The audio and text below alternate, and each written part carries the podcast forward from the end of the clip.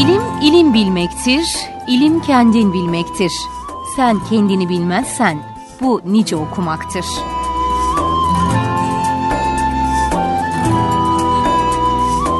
İlim candır, menzili belirleyen yol, seslerin içinde bir sözdür. Cevapların içindeki sualdir ilim. Arayıp bulmalı, okumalı, dinlemeli ve sormalı. İlmin öncüleri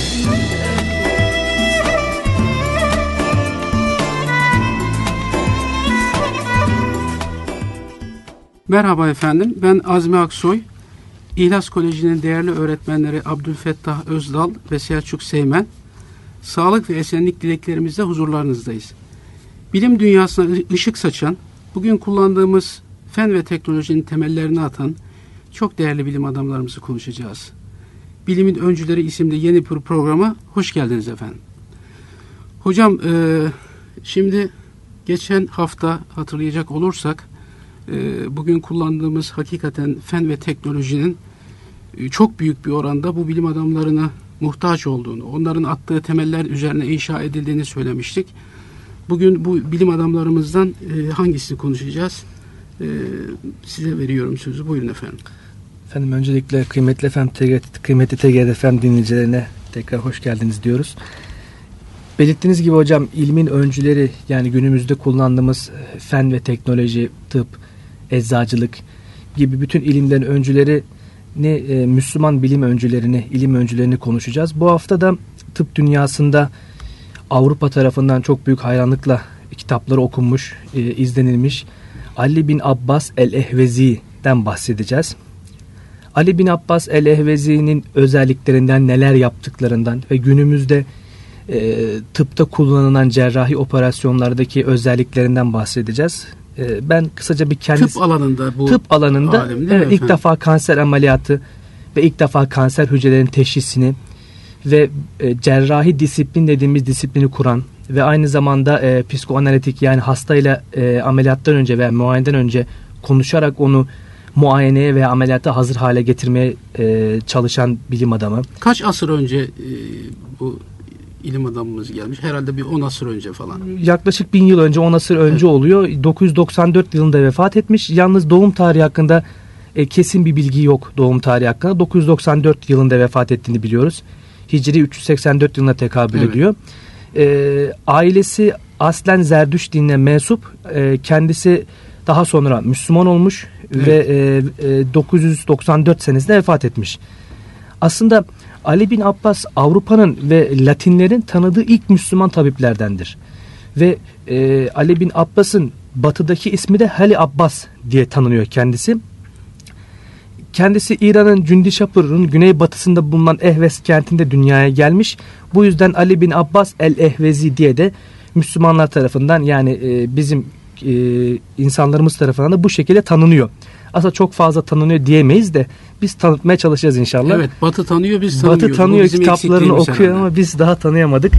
Ali bin Abbas'ın e, en önemli özelliklerinden birisi de e, hem İslamiyetle e, bağdaşan az yemek e, ve e, öz yemek diyelim biz ona hani diyet diyeti kuran aslında bilim adamı ve aynı zamanda ölçüsünce yapmak ölçüsü. yani herhalde bizim kültürümüzde de bildiğiniz gibi var yani e, rahmetli dedem falan da derdi yani e, bir sürü insanlar bakıyorsunuz ondan sonra e, abur cubur yiyorlar ondan sonra da spor yapıp zayıflamaya çalışıyor halbuki e, acıkmadan e, yememek ve doymadan sofradan Kalkma. kalkmak gibi ondan sonra bir e, kültürden gelmiş olmamıza rağmen tıka basa yiyoruz. Yani bugün bakıyorsunuz hakikaten AVM merkezlerinde değil mi hocam? Evet hocam. Hafta sonlarında insanlar e, hamburger gibi böyle devamlı böyle. Avrupalılar, Amerikalılar fast food'tan kaçıyor.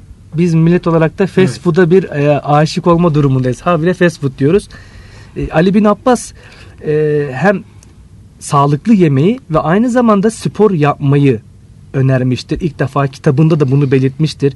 Spor yaparak, az yiyerek e, ve e, konuşarak bir şekilde hastalıkların önüne geçmeyi yani burada e, hastalığı hasta olmadan önce hastalığı engellemeyi koruyucu tababet evet, diyoruz. Koruyucu yani. tababet evet, tabii. hocam. Yani sıhhati muhafaza etmeyi öncüsüdür kendisi. Çünkü hasta olduktan sonra e, tedavi sürecine geçildiği zaman bir takım ilaçlar alması lazım. Belki bir ameliyat olması lazım. Bu gibi kompli- durumlarda çeşitli komplikasyonlar da gelişebilir tabi. Ama hasta hatta benim hatırıma siz bunu anlatırken şey geldi. Bizans e, hükümdarı, Bizans imparatoru bir hekim, iyi bir hekimini gönderiyor herhalde Peygamber Efendimiz Aleyhisselam değil mi? Evet. Ve uzun süre ondan sonra kalıyor efendim ben Bizans imparatoru e, beni bu işle görevlendirdi. E, Ben size hizmet etmek için geldim diye. Adam yiyip içip yatıyor ve yanında pek uğur yanında falan yok herhalde. Kimse hasta mi? olmuyor. Kimse Evet, hasta kimse- olmuyor.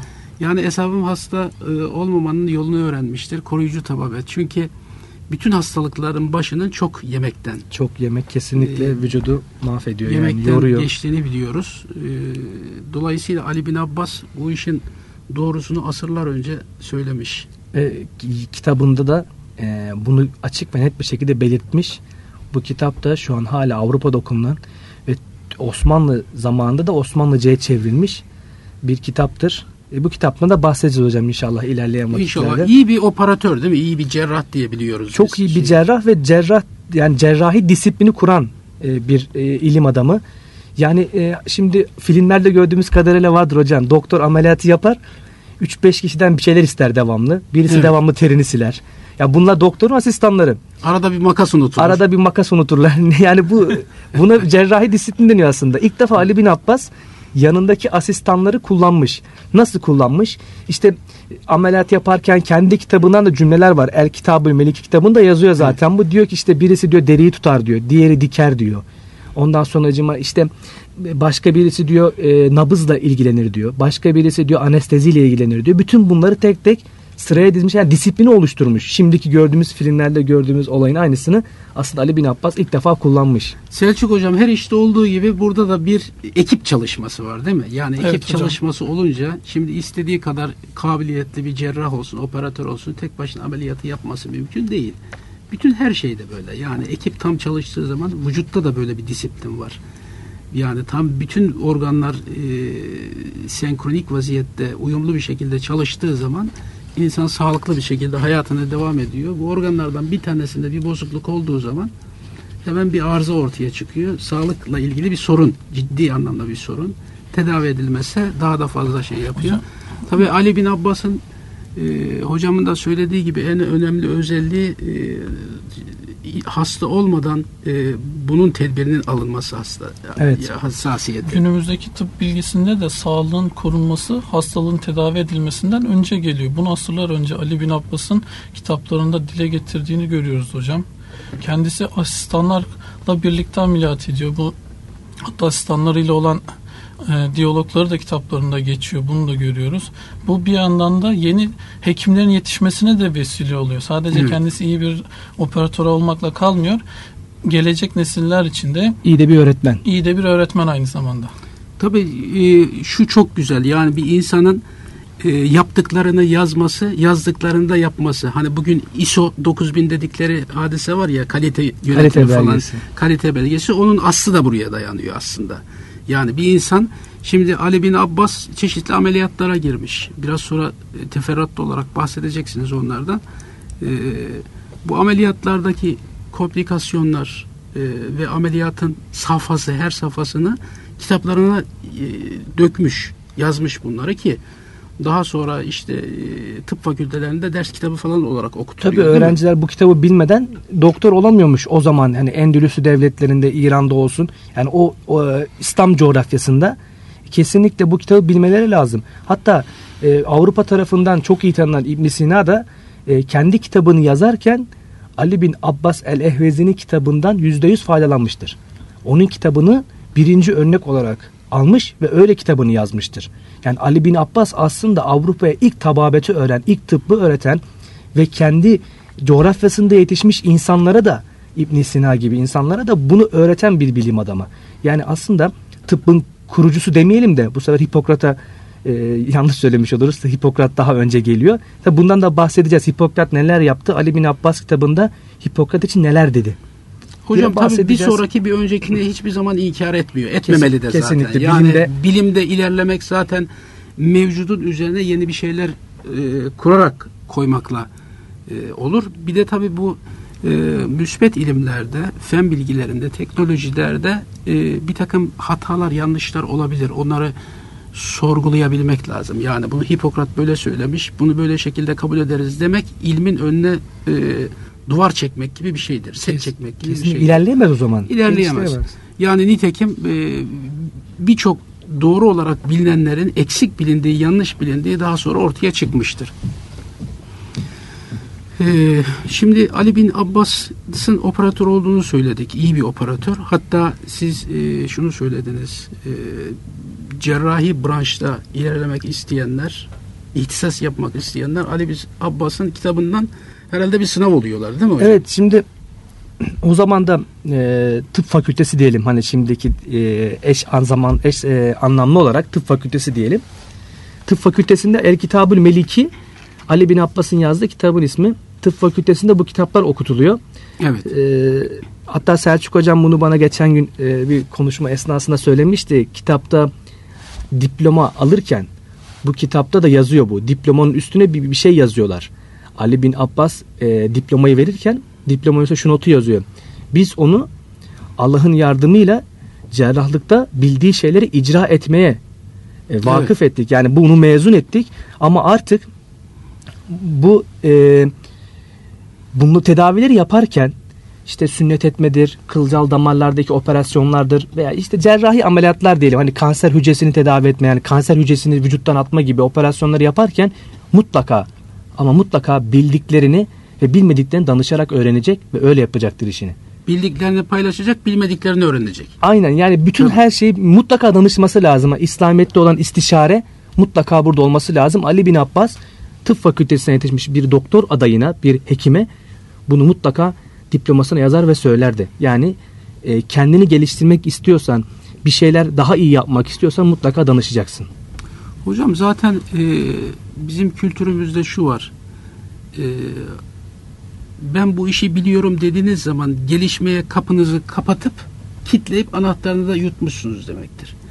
Başka türlü ilerlemek mümkün değil. Yani ben bu işi biliyorum, benden daha iyi bilen yok denemez. Mutlaka mevcut bilgilerinizi paylaşmak ki onun çok güzel bir örneği vardır. Benim her zaman hoşuma gider. Yani Selçuk hocam senin bir yumurtan olsa, benim bir yumurtam olsa sen sendeki yumurtayı bana versen, ben bendeki yumurtayı sana versem yine sende bir yumurta olacak, yine bende bir yumurta olacak. Ama bilgi böyle değil.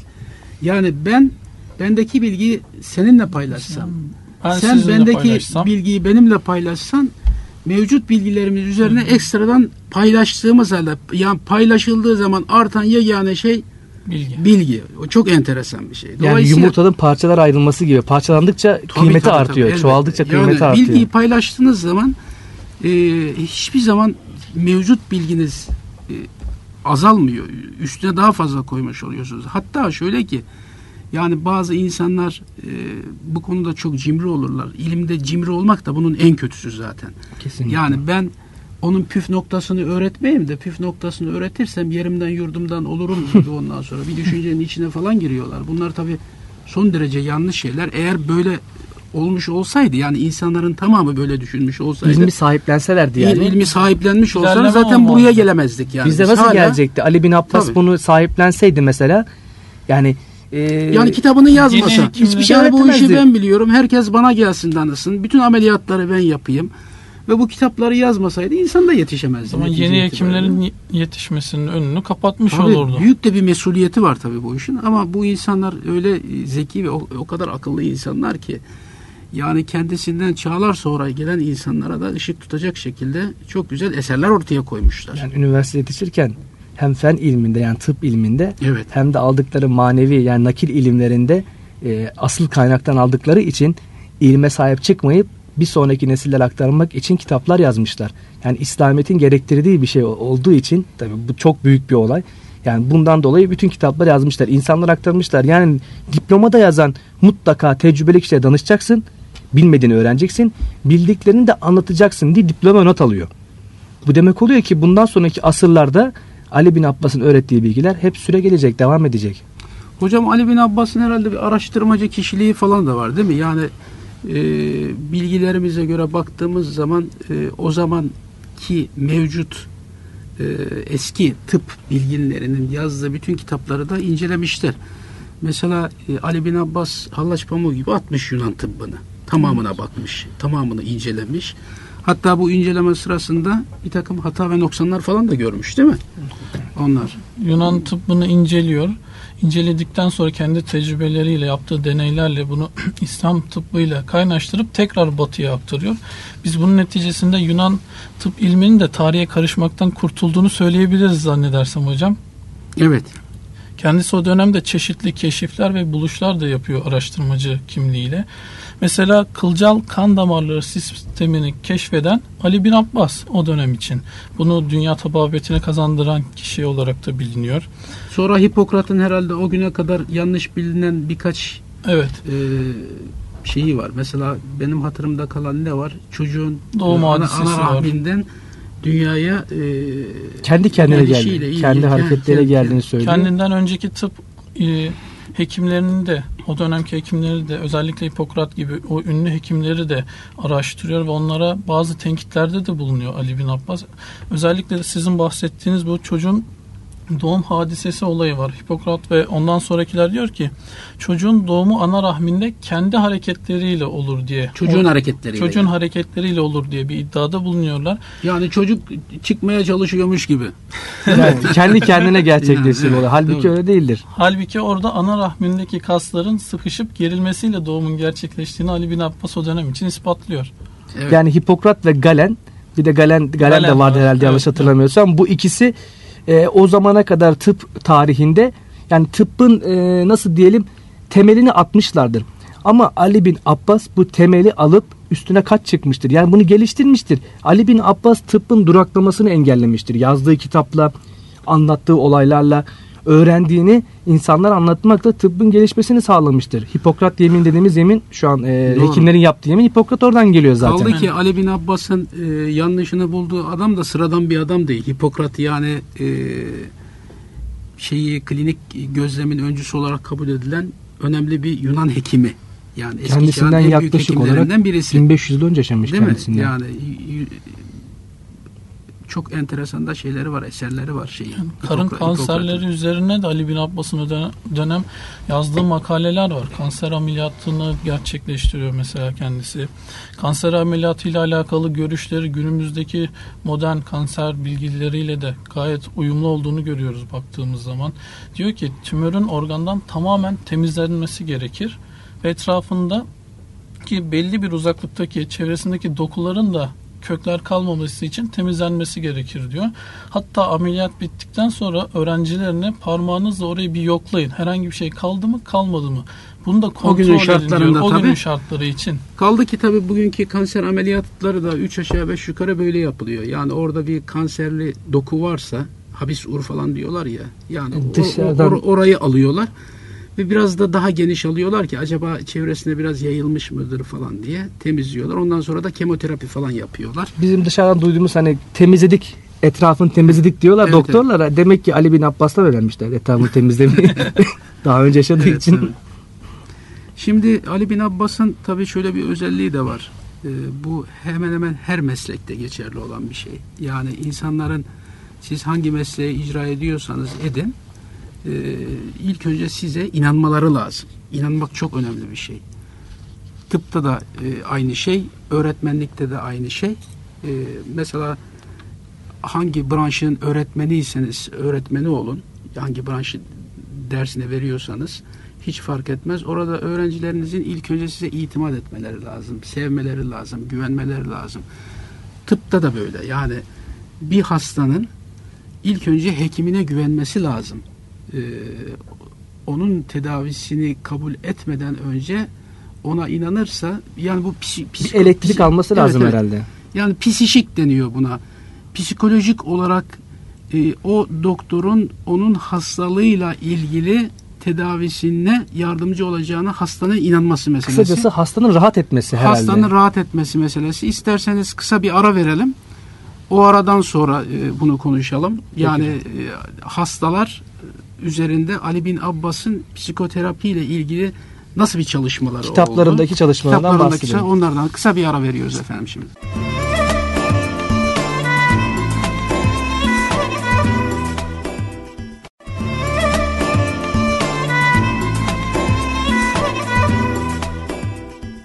Evet e, değerli dinleyicilerimiz e, bilimin öncülerinde Ali bin Abbas'tan bahsediyorduk. Ali bin Abbas'ın çok iyi bir cerrah olduğu e, zamanının en iyi uzman hekimlerinden bir tanesinin olduğu ve bugün fen ve teknolojide bu insanların e, çok önemli katkıda bulunduklarını, tıbbın temelini atmada, bugün tıbbın bugüne kadar ulaşmasında çok önemli katkıları oldu ve çok kıymetli ders kitapları yazdığını ve bu ders kitaplarını üniversitelerde e, yakın zamana kadar okutulduğunu hepimiz biliyoruz. Şimdi Ali bin Abbas'ın diğer bir özelliği de hastalara psikolojik olarak tedavi uygulamak. Yani bir hastanın e, veya bir uzman hekimin hastasına faydalı olabilmesi için onu e, ilk önce ikna etmesi lazım. Yani aralarında bir psikolojik olarak bir bağ kurulması lazım. Öyle değil mi hocam? Evet. Ee, e, kitabında da hocam El Kitabül Meliki ismindeki kitabında evet. e, bunu yaklaşık olarak e, 6 madde içerisinde toplamış.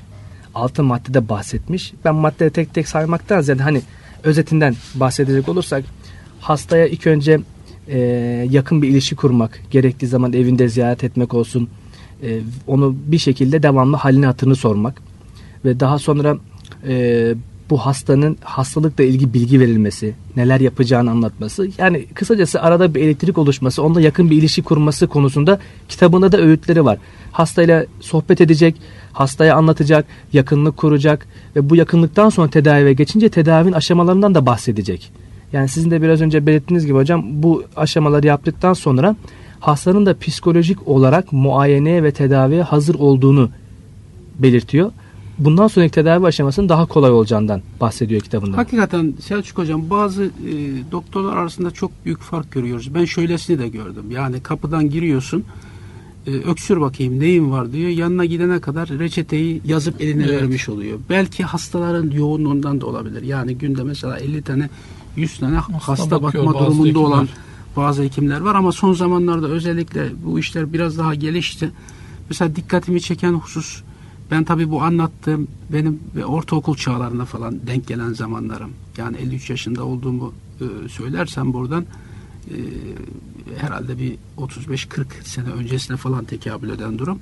Şimdi bazı doktorlar da hastalığınızla ilgili size çok güzel bilgi veriyorlar, enforme ediyorlar. Bu da insanı rahatlatıyor tabii. Yani nedir, nasıl gelişmiştir, bu ilaç neye yarar, bundan sonra nelere dikkat etmeniz e, gerekiyor gibi hususları sizinle konuşuyor. İnsanın e, herhalde fıtratında var yani böyle şeyler öğrenmek. Yok değilse hastalığıyla ilgili bu sefer tutuyor Google'da bir araştırma yapıyor. Saçma sapan bilgilere de ulaşabiliyor. Ve bunları vehim haline getiriyor. İşte bir anda çok basit bir hastalığı varken yani tedavi edilebilecekken belki umutsuzluğa düşüyor. İşte bu bir kanserin habercisi olabilir mi gibi Hastalık falan diye. Hastalık hastası oluyor onlar. Hastalık hastası oluyor. Ve işin daha kötüsü birkaç doktor arkadaşımdan duydum ben. Ee, biraz da ukalalık yapar duruma geliyor artık. Yani gittiği zaman o Google'dan öğrendiklerini Kendi, doktora satıyor. Satıyor. İşte ben benim şunun şunun var, şu var, şu var, şu var. E şimdi o saydığın rahatsızlıklar varsa git o zaman şeyden de eczaneden de ilacını al. Google'dan tedavi al o zaman. Google'dan ara doktorun nerede diye. Oluyor. Dolayısıyla yani orada tabi Ali bin Abbas'ın e, psikolojik yönden hastalarına yaklaşması, e, psikoterapi dediğimiz tarzda psikolojik olarak da hastayı tedavi etme noktasındaki çabaları hakikaten günümüz e, tıbbında da çok önemli olduğunu görüyoruz. Doktorun kalitesini arttırıyor aslında. Doktorun kalitesini arttırıyor. Doğru söylüyorsunuz. Şimdi e, Ali bin Abbas'ın tabi kitapları bir şekilde aşırma aşırma yolu mu diyorlar, afırma yolu mu diyorlar. Bu aşırma yoluyla batıya geçtiğini falan görüyoruz değil mi? Nasıl cereyan etti o hadise hocam? Şimdi e, bu Kitabül Meliki diğer bir ismi ismi de e, Sultanül Sultan kitabı diye geçiyor. Bunun sebebi de o zaman Ali bin Abbas El-Ehvezi bu kitabı yazdıktan sonra o zamanki sultana bu kitabı hediye ediyor, takdim ediyor. Ondan evet. dolayı Sultanül Kitap diye de geçiyor. Ama kitaplarında şahı yani. Kitaplarında şahı. Tıp kitaplar evet, arasında yazılmış evet. en e, açık, anlaşılır Anlaşılır. ve Evet. sistematik bir şekilde yazılmış değil mi hocam? Sistematik Hı. bir şekilde yazılmış kitap. Ondan dolayı çok önemli bir kitap. Yani Avrupa'da günümüze kadar hala okutulmuş bir kitap. Şimdi bu e, Konstantinus Afrikanus diye birisi var Yunanlarda. Bu gezgin. İslam e, memleketlerini geziyor ve oradaki fen ilimlerini, gelişmeleri gidip öğreniyor. Daha sonra gezme sonucunda Ali bin Abbas'ın kitabını görüyor. Yani e, Kitabül Meliki'yi görüyor. Ve bunu gelip e, batıda Liber Regius adıyla bunu yayınlıyor. Ama birebir tercüme ediyor. Yani birebir çeviriyor. Daha sonra kendi e, talebelerinden, kendi e, öğrencilerinden birisi de İslam memleketlerine gidiyor bir konu için, konu araştırması için. Ve oradaki El Kitabül Meliki'ye rastlıyor. Ve kitabı açıp okuduğunda batıdaki Liber Regius, kendi hocasının yazdığı Liber Regius kitabın aynısı olduğunu görüyor. Ve hiç çekinmeden de geliyor kendi memleketinde hocasının yazdığı bu kitabın aynen El Kitabül Meliki'den tercüme edildiğini ve sahtekarlık yaptığını bizzat ilan ediyor. Dürüst davranmış. Dürüst davranıyor yani aslında burada dürüst davranmış öyle. Kendi Tabii. hocası olmasına rağmen. Halbuki hocası tutsa o kitabı tercüme ederken bir e, kaynak gösterse, mehaz gösterse değil mi? Hiçbir şey göstermemiş. Yani kendi insanlar yine ona gibi. teşekkür ederler. Netice itibariyle kitap Arapça mı yazılmış, Farsça Arapça. mı yazılmış? Arapça yazılmış olması lazım. Arapça yazılmış. Arapçadan efendim Latince'ye Tercüme tercüme etmiş oluyorsun. Hani üzerine de o da bildiğim kadarıyla hem ilim adamı hem papaz galiba değil mi? Papaz aynı zamanda da papaz. Yani üzerine bir şey katarsan insanlar sana teşekkür eder. En azından onu Arapçadan Latinceye çevirdiğin için sana teşekkür eder. Böyle işin sonunda rezil olmak da var yani. Yalancının mumu yatsıya kadar Yanar. yanar. Ama bu ilk de değil, son da değil. değil. Çok var böyle örnekleri hakikaten. Özellikle bakın- bizdeki ilim kitaplarını çok, Çok bir şekilde hocam, çok, çevirmişler. Bu sadece bizim bildiğimiz bir tanesi. kendilerine mal etmişler, millileştirmişler kendi akıllarınca. Bu tür hadiseler oluyor tabii ki. Hocam El Kitabül Meliki Batılıların da çok değer verdiği kıymetli bir eser. Hatta bu kitap için dünya tıp ilmine hediye edilen eşine rastlanmayan bir eser olarak anılıyor Batı'da. Evet. Bu kitabın çok önemli bir özelliği ise o zamana kadar ki bütün millet ve çağların tıp bilgisini işlemesi mantıki bir şekilde düzenlemiş olması. Sistematik yani? Sistematik olarak zaten Ali bin Abbas o dönemki kitapları incelediği zaman eserin yazıldığı dönemdeki diğer tıp e, kitaplarını incelediğinde özellikle bu kitapların bir sistematik içinde olmadığını, metozsuz olduğunu söylüyor. Yani hekimlerin yetişmesi açısından herhangi yeterli bir kaynak bulunmadığını, bundan ötürü sağlığın hem korunması açısından hem de tedavi yollarının anlatıldığı yani bir hekim için yeterli olacak bütün tıp bilgilerini bir eserde birleştireceğim diyor kitabını yazmadan önce ve bunu El Kitabül Meliki ile başarıyor. Zaten kitap iki kısım hocam. Birinci kısımda teorik bilgiler var. Evet. E, nazariye, nazariye diye geçiyor. Tıbbın nazariyesi diye nazariye bilgileri var. İkinci kısımda da pratik bilgiler var. Yani bu pratik bilgilerde e, tedavi yöntemleri nasıl uygulanır? Hani bizim e, mesela fizik kitaplarında da olur. Teorik fizik vardır bir de deneysel fizik vardır. Siz deneysel fiziklere gidersiniz laboratuvarda en ince ayrıntısına kadar hesaplarsınız ve laboratuvar raporunu bunu yazarsınız. Bir de teorik fizik vardır. Teorik fizikte de işte hesaplamalar vardır. Bir sürü formüller vardır. Formüllerle hesaplama yaparsınız. Ki çoğu bilimde de böyle zaten. Bu El Kitabül Meliki iki kısım ayırmış. Bir nazariye Evet. bir de e, uygulaması. Uygulamasını ayırmış. Kitabında zaten çok fazla bilgi var ve hepsi de e, hekim tarafından kullanılması gereken bilgiler. Bir de sistematiğinin oluşu çok güzel Kesinlikle tabii. bir Yani disiplin diğer- içerisinde oluşmuş. Diğer mesela Yunan e, hekimlerin yazdığı kitaplara e, bakıyorsunuz. Onlarda bir sistematik yok. Yani bazı yerlerde çok buğlak olduğunu söylüyorlar tabii. Yani karanlıkta kalan kısımlar falan var. Onların aydınlatma aydınlatılması ve öğrencinin çok anlayabileceği tarzda sistematik bir kitap yazması önemli. Evet. Hatta bu konuda Ali bin Abbas Hipokrat'ı tenkit ediyor. Hipokrat'ın yazıları için şöyle diyor. Yazılarının birçoğu açıklanmaya muhtaç olacak kadar karanlık ve çok kısa olduğunu söylüyor Hipokrat'ın yazıları için.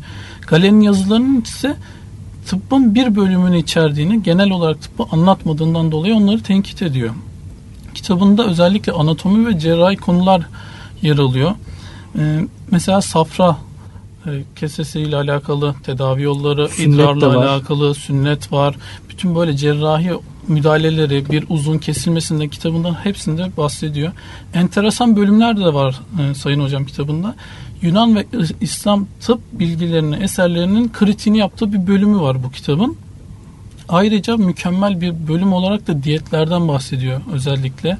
Diyetler ve tıptaki tedavi yollarını bundan bahsediyor. Çünkü hastalıkların birçoğunun fazla yemekten kaynaklandığını biliyoruz. Bu çok önemli bir husus aslında. Bu diyet konusu kitabın önemli bölümlerinden bir tanesi olsa gerek. Şu an e, bu, bu konudan çok muzdarip olan insanlar var. Diyetisyen özelliği de var. Diyetisyen özelliği var Ali bin Abbas'ın. Yani tıbbın aslında her safhasında kesinlikle bir cümlesi, bir e, buluşu, bir keşifi, bir düşüncesi var. Mutlaka. Çok yönlü bir insan. Sporla alakalı da güzel şeyleri var değil mi? Evet Söyledikleri hocam. var. Yani bugün insanların e, egzersiz yapmasıyla alakalı e, birçok husustan bahsetmiş kitabında. Yani işte mesela diyor ki kitabında e, yemeğe dikkat edeceksiniz diyor. Yani diyet dediğimiz konu. Yemeği diyor çok e, mesela hasta olan işte safrası olan nasıl yiyecek? E, mesela böbrek hastası olan Diyet neler yiyecek gibi. şunu yanlış anlatmamak lazım veya yanlış anlaşılmasına sebep olmamak lazım. Diyet dendiği zaman insanlar mesela diyete girdim diyor şimdi birisi.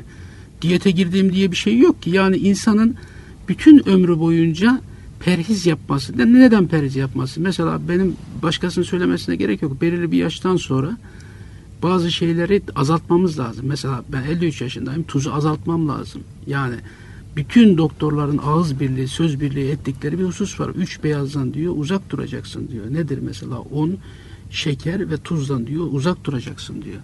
Yani bunlardan demek ki uzak durmanın bir e, şeyi var, hikmeti var ki asırlar önce ondan sonra Ali bin Abbas Ha, bundan sö- bahsetmiş. Yani hangi söylenmiş. yaşta neler yenecek? Tabii ki, Diyetten tabii. tabii hocam e, söylediğiniz çok güzel oldu. Yani diyetten kastımız aç kalmak değil. Tabii. Yani açlıktan ölmek değil. Diyetten kastımız vücudun gerekli olduğu miktarda o ölçüde yemek almak. Ve Ali bin Abbas aynı zamanda bu kitabının ikinci bölümü olan e, uygulama bölümünde spordan bahsederken yemekten sonra hemen yapılan sporun çok vücuda zararlı olduğunu, Evet. yemekten işte belli bir süre önce yapılan sporun ise vücuda çok faydalı olduğunu, bu sporun yapılırken işte hangi safhalarda nasıl yapılacağını tek tek bahsetmiş. Ve e, çok yemenin zararından, diyetin faydasından da bahsetmiş. Aslında kitap diyetisyenlere de ışık tutacak şekilde hazırlanmış. O kadar sultanül kitap. İsmi Hakikaten. üzerine hakikaten sul Kitap- kitapların kit- sultanı. kitapların sultanı diyelim, hükümdarı diyelim, babası diyelim. Hakikaten de güzel. Aslında hocam yeme içme hakikaten bir kültür gerektiren bir husus. Yani Evet. çoğu zaman biz de dikkat edemiyoruz. Yani bakın şimdi Cenab-ı Hak öyle insanın vücudunu öyle yaratmış ki ağızda dişler var. Yani biz dişlerin yapması gerekenleri de bazen mideye yaptırıyoruz. Yu- ve çiğnemeden yutuyorsunuz. Çiğnemeden yutuyoruz. Yani bu gündelik ondan sonra e, faaliyetlerin çokluğundan diyelim, başka şeylerden diyelim, e, bu kültürün oluşmamasından diyelim. Halbuki lokmaları küçük alıp e, çok çiğnediğiniz zaman mümkün olduğu kadar mideye fazla iş bırakmamış oluyorsunuz. Öyle değil mi? Mide rahatlamış oluyor. Rahatlamış oluyor tabi. Zaten günümüzdeki büyük rahatsızlıklardan biri de mide rahatsızlıkları ve çok yaygın bir şekilde de günümüzde görülüyor. Hep çevrede öyle söylerler. Yani ben perize girdim. Şimdi perize girdim diye bir şey yok. Perizden zaten çıkmayacağız. Yani periz ne demektir? Ee, ihtiyaç miktarı ve yaşa göre Fazlası zarar. yemek demektir. Ben öyle anlıyorum tabi. Yani bazı şeyleri hayatımızdan çıkaracağız belirli yaşlara Evet hocam sonra. aslında Osmanlı bunu çok güzel uygulamış. Osmanlı'nın e, bildiğimiz kadar kitaplarda tarihçiler, o tarih hocalarımız anlattığı gibi iki günde üç öğün yiyorlar. Yani tabi bu da İslamiyet'in de e, bize emrettiği gibi az yemek bizim dinimizde de olan bir şey. Yani az yiyeceksiniz. Yani demin de sizin bahsettiğiniz gibi hocam demin arz etmiştiniz. E, doymadan kalkacaksınız. E, daha sonra e, acıkmadan oturmayacaksınız. Bu iki tane ölçü. Osmanlı iki günde üç öğün yemek yiyor. Ve e, Osmanlı'da hani padişahların veya devletin bu kadar büyük hastalıklara rastlanmıyor kitaplarda yazan. Evet. Yani eskilerimiz de derler ya az ye, az uyu, çok konuşma, alim olursan şaşma diye. Şimdi bu alimler de herhalde bu değil mi? Buna uyuyorlardı tahmin ediyorum. Tabii kitaplarında çok güzel tarifler falan da var. Şimdi bugünkü e, bilim adamlarının, doktorlarının tarifleriyle birebir örtüşen tarifler var. Mesela günümüzde e, hala hayati bir tehlike arz eden kanserin vücutta e, bir vücudun anarşisi olarak değerlendiriliyor biliyorsunuz. Onlar da diyorlar ki mesela kanser, kanser hücresi için doku kanunlarına baş kaldıran hücrelerin anarşik halidir diye tarif ediyorlar. Vücuttaki anarşi hücre. Ana, anarşist, anarşist hücre. Anarşist. Gerçekten de kanser hücresi doku düzenine ayak uyduramayan, kendi prensipleri içerisinde hareket eden isyankar bir hücre. Yani bu isyankar hücre bir yerde toplandığı zaman işte o kanserli bölge oluyor, ur oluyor. Onu da kesip alıyorlar ve çevresini alıp temizliyorlar. Şimdi günümüzdeki e, cerrahi tedaviyle o zamanki cerrahi tedavi kanser anlamında çok büyük oranda uyuşuyor. Bu da o insanların ne kadar e, şey olduğunu gösteriyor. Bu işin mahiri olduklarını gösteriyor. Öyle değil mi hocam? Kesinlikle. Enteresan Yani o zamanki yapılan tabii. ameliyatla bu zamanki yapılan ameliyatlar birbiriyle tamamen örtüşüyor. Hatta bu Ali bin Abbas el-Ehvezi'nin kitabı hakkında da bir hikaye anlatılır. Ee, Padua Üniversitesi devam, et, devam etmekte olan o üniversite okuyan bir delikanlı var. Daha sonra e, Venedik'te Pisalı Stephen tarafından e, Latince çevrilen bu Sultane kitabı satın alıyor. Tabi sevinçten yerinde duramıyor. Daha sonra başka bir kişi de e, bunu elinde Sultane kitabı olduğunu görünce bunu çok değerli birisi olduğunu düşünüyor. Çünkü Sultane kitabı bulmak o devirde hele bir tıp öğrencisinin elinde Evet. Sultane kitap bulunması çok büyük Onun bir durum. kalitesini gösteriyor. Onun kalitesini Kesinlikle gösteriyor ve kendi kızını e, bu kişiyle evlendiriyor ve daha sonra o kişi de belediye meclisi başkanı oluyor. Hatta Avrupa'da denir e, Ali bin Abbas'ın kitabı o kadar büyük ki aynı zamanda akrabalık bağı Aa, kurmamıza bile vesile oluyor diye bu hikaye anlatılır genelde hocam kitap hakkında tabi. O zaman tabi hakikaten bu kitap üzerine ve bu Ali bin Abbas ve diğer e, İslam alimleri üzerine, bilginleri üzerine çok güzel şeyler söylenmiş. Yani hakikaten bakıyorsunuz bir taraftan bu kitapları e, aşırma yoluyla kendi kültürden mal eden insanların bulunduğu coğrafyada bu insanların değerini teslim eden insanlar da var. Batı'da. O- batı'da onları da görüyoruz. Yani bu e, bir, bir tıpta enteresan bir şey tabii. Yani çok meslekte e, çırak usta ilişkisi vardır. Hekimlikte de bu böyle. Yani bugün asistanlar hocalarıyla beraber bir ameliyata girdikleri zaman onun yaptıklarını görüyorlar. Bir müddet sonra da onun nezaretinde uygulamaya başlıyorlar ki bu klasik e, usta çırak ilişkisiyle alakalı bir şey. E, bu tabi Ali bin Abbas'ın tıp kitapları batıda e, bayağı bir inceleme konusu oluyor. Pek çok tıp fakültesinde ders kitabı olarak okutulduğunu söylemiştik. E, hakikaten e, bir de şu var tabi yani kendinden önce yetişmiş olanlardan e, Hipokrat gibi çok ünlü e, hekimlerin bir takım yanlışlıklarını da buluyor. Onları da ekliyor. O onların da değerini tabi bir yerde şey yapıyor. Yani Bir de hocam o dönemde Avrupa Artırıyor.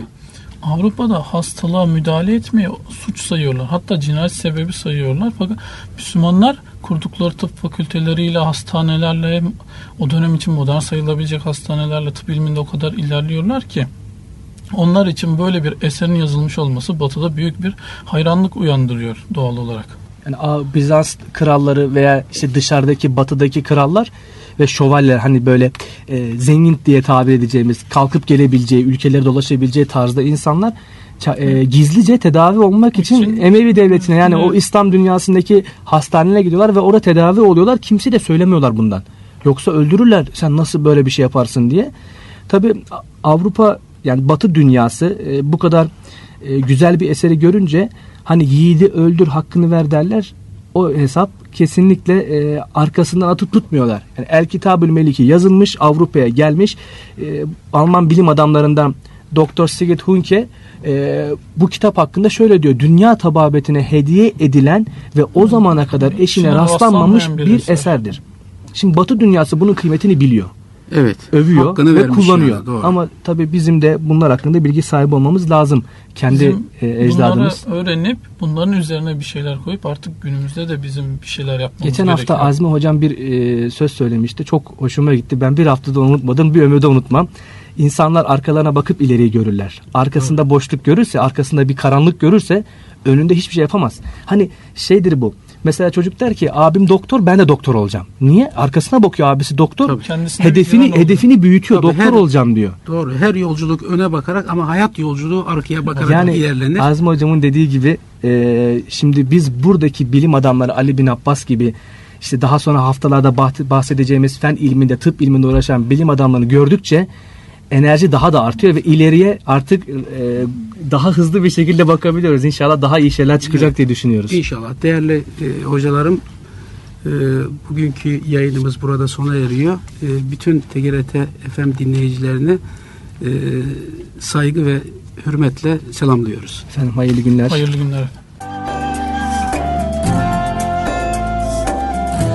İlmin öncüleri.